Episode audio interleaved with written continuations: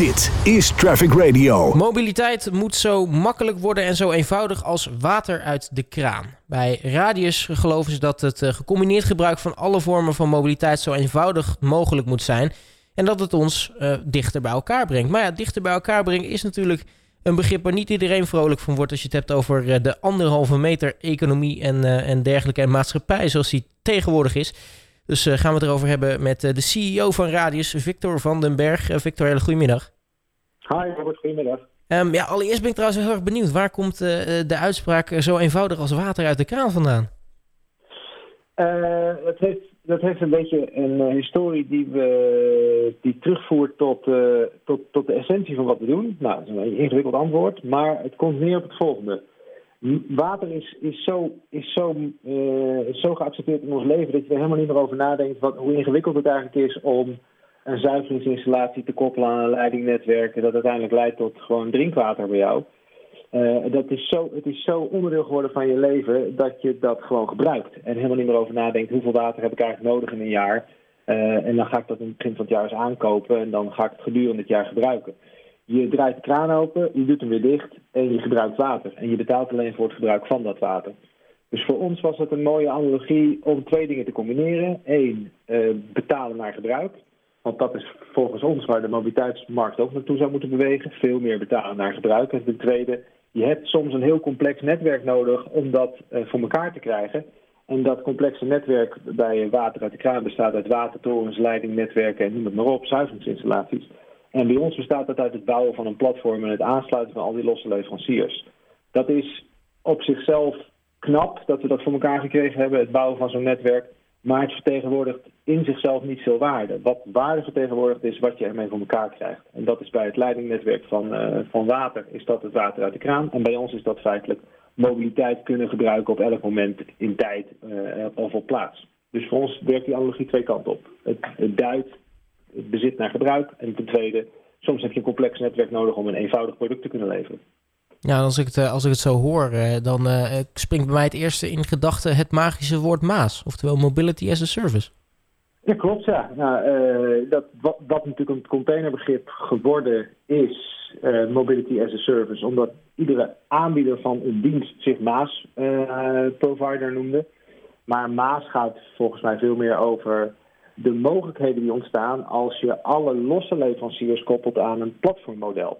Dus welke vraag kun je oplossen, welke mobiliteitsvraag kun je oplossen als je niet meer keuze hebt uit één aanbieder met één appje, maar als je alle aanbieders, publiek en privaat, uh, uh, ontsluit via een, via een platform of een netwerkmodel, hoe krijg je dan, uh, hoe krijg je dan nieuwe, niet nieuwe modellen, maar veel meer nieuwe aanbiedingen naar een bestaande markt? En dat is Maas wat ons betreft. Dus Mobility as a Service is een serviceproduct dat ontstaat door het toevoegen of het samenbrengen van alle losse leveranciers en daaruit nieuw, nieuwe vragen en nieuwe aanbiedingen bundelen. En dat maakt de mobiliteit uiteindelijk uh, hopelijk zo eenvoudig als uh, water uit de kraan, om hem uh, er maar weer eens even bij te pakken. maar jullie zeggen ook, hè, het brengt ons allemaal bij elkaar, hè, dichter bij elkaar, dichter bij familie, ja. vrienden, sport en cultuur. Um, maar toen was daar plots uh, ineens de welbekende anderhalve meter maatschappij. Ik denk dat die ook wel uh, meedingt voor het uh, vandale woord van het jaar. Um, ja. Dan wordt dichter bij elkaar brengen ineens iets heel anders. ja, en sterker nog, liever niet, dat moment is. nou woon ik zelf in een dorp. daar zijn we onlangs naar verhuisd, een jaar geleden. Dus voor ons is, toen, toen ik nog in de stad woonde, want we hebben twintig jaar in de stad gewoond, was anderhalve meter op elkaar was eigenlijk vrij ver af. Uh, en hier anderhalve meter op elkaar in een dorp is, uh, is vrij dichtbij. Dus, uh, dus het, is maar, het is maar net de perceptie waar je woont, wat anderhalve meter is. Maar het is waar. Ander, anderhalve meter maatschappij is iets wat en, en, mensen dichter bij elkaar brengen. Dat lijkt, dat lijkt elkaar in de weg te staan. En dat doet het natuurlijk ook wel. Maar wat we bedoelen te zeggen met dichter bij elkaar brengen, is dat mobiliteit zo essentieel is om deel te nemen aan het leven. Als je een volwaardig leven wil leiden, dan mobiliseer je op enig moment. Je verplaatst je om deel te nemen aan het culturele leven, aan het sociale leven, aan het economisch verkeer. Hoe dan ook, je zult je altijd verplaatsen. Volgens mij is er zelfs onderzoek gedaan in Amerika dat als mensen niet anderhalf uur per dag zich verplaatsen, dat ze er uiteindelijk depressiever worden. Mobiliteit is dus tamelijk essentieel in ons leven uh, om mee te doen aan het leven.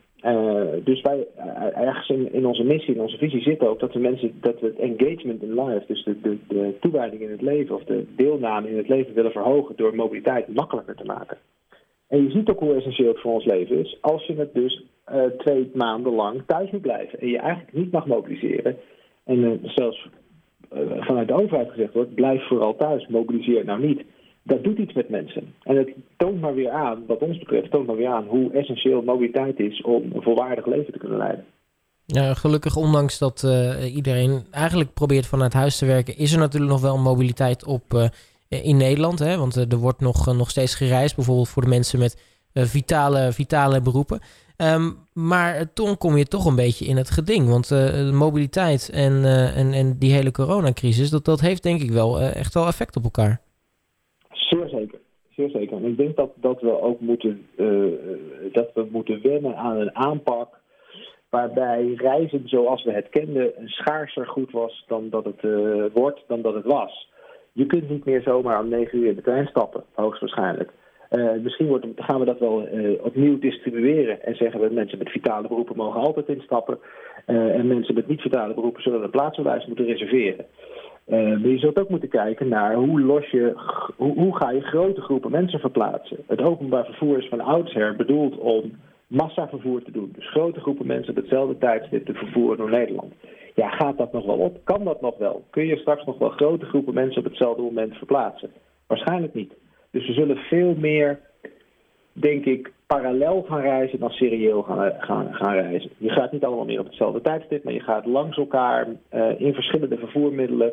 En dat betekent ook dat publieke en private aanbieders van, uh, van, van uh, transportmiddelen, treinen, bussen, auto's, fietsen, allemaal zullen moeten meedoen om uiteindelijk nog grote groepen mensen door Nederland te verplaatsen. Want we blijven mobiliseren, je zult ergens naartoe gaan.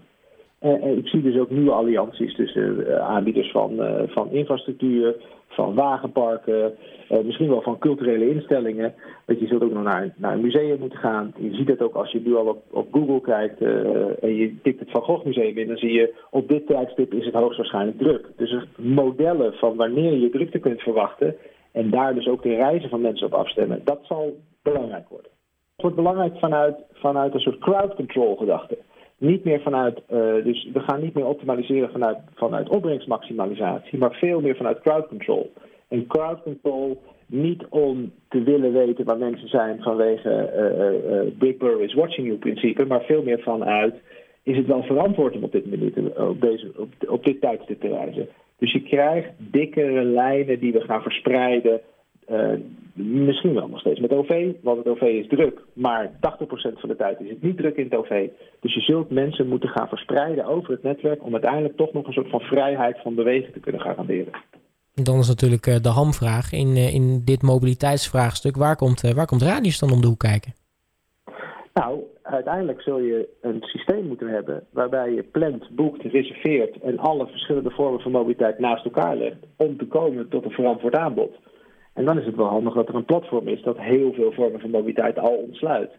Uh, dus wat ons betreft is het niet zozeer of Radius de hoek komt kijken, maar uh, voor ons is het een, een soort doorbraak waarbij we de, de, de, gedragsverandering waar we met grote werkgevers al, heel lang over spreken, hoe gaan we mensen nou eens een keer op een andere manier laten reizen dan allemaal om negen uur s ochtends in de file te gaan staan.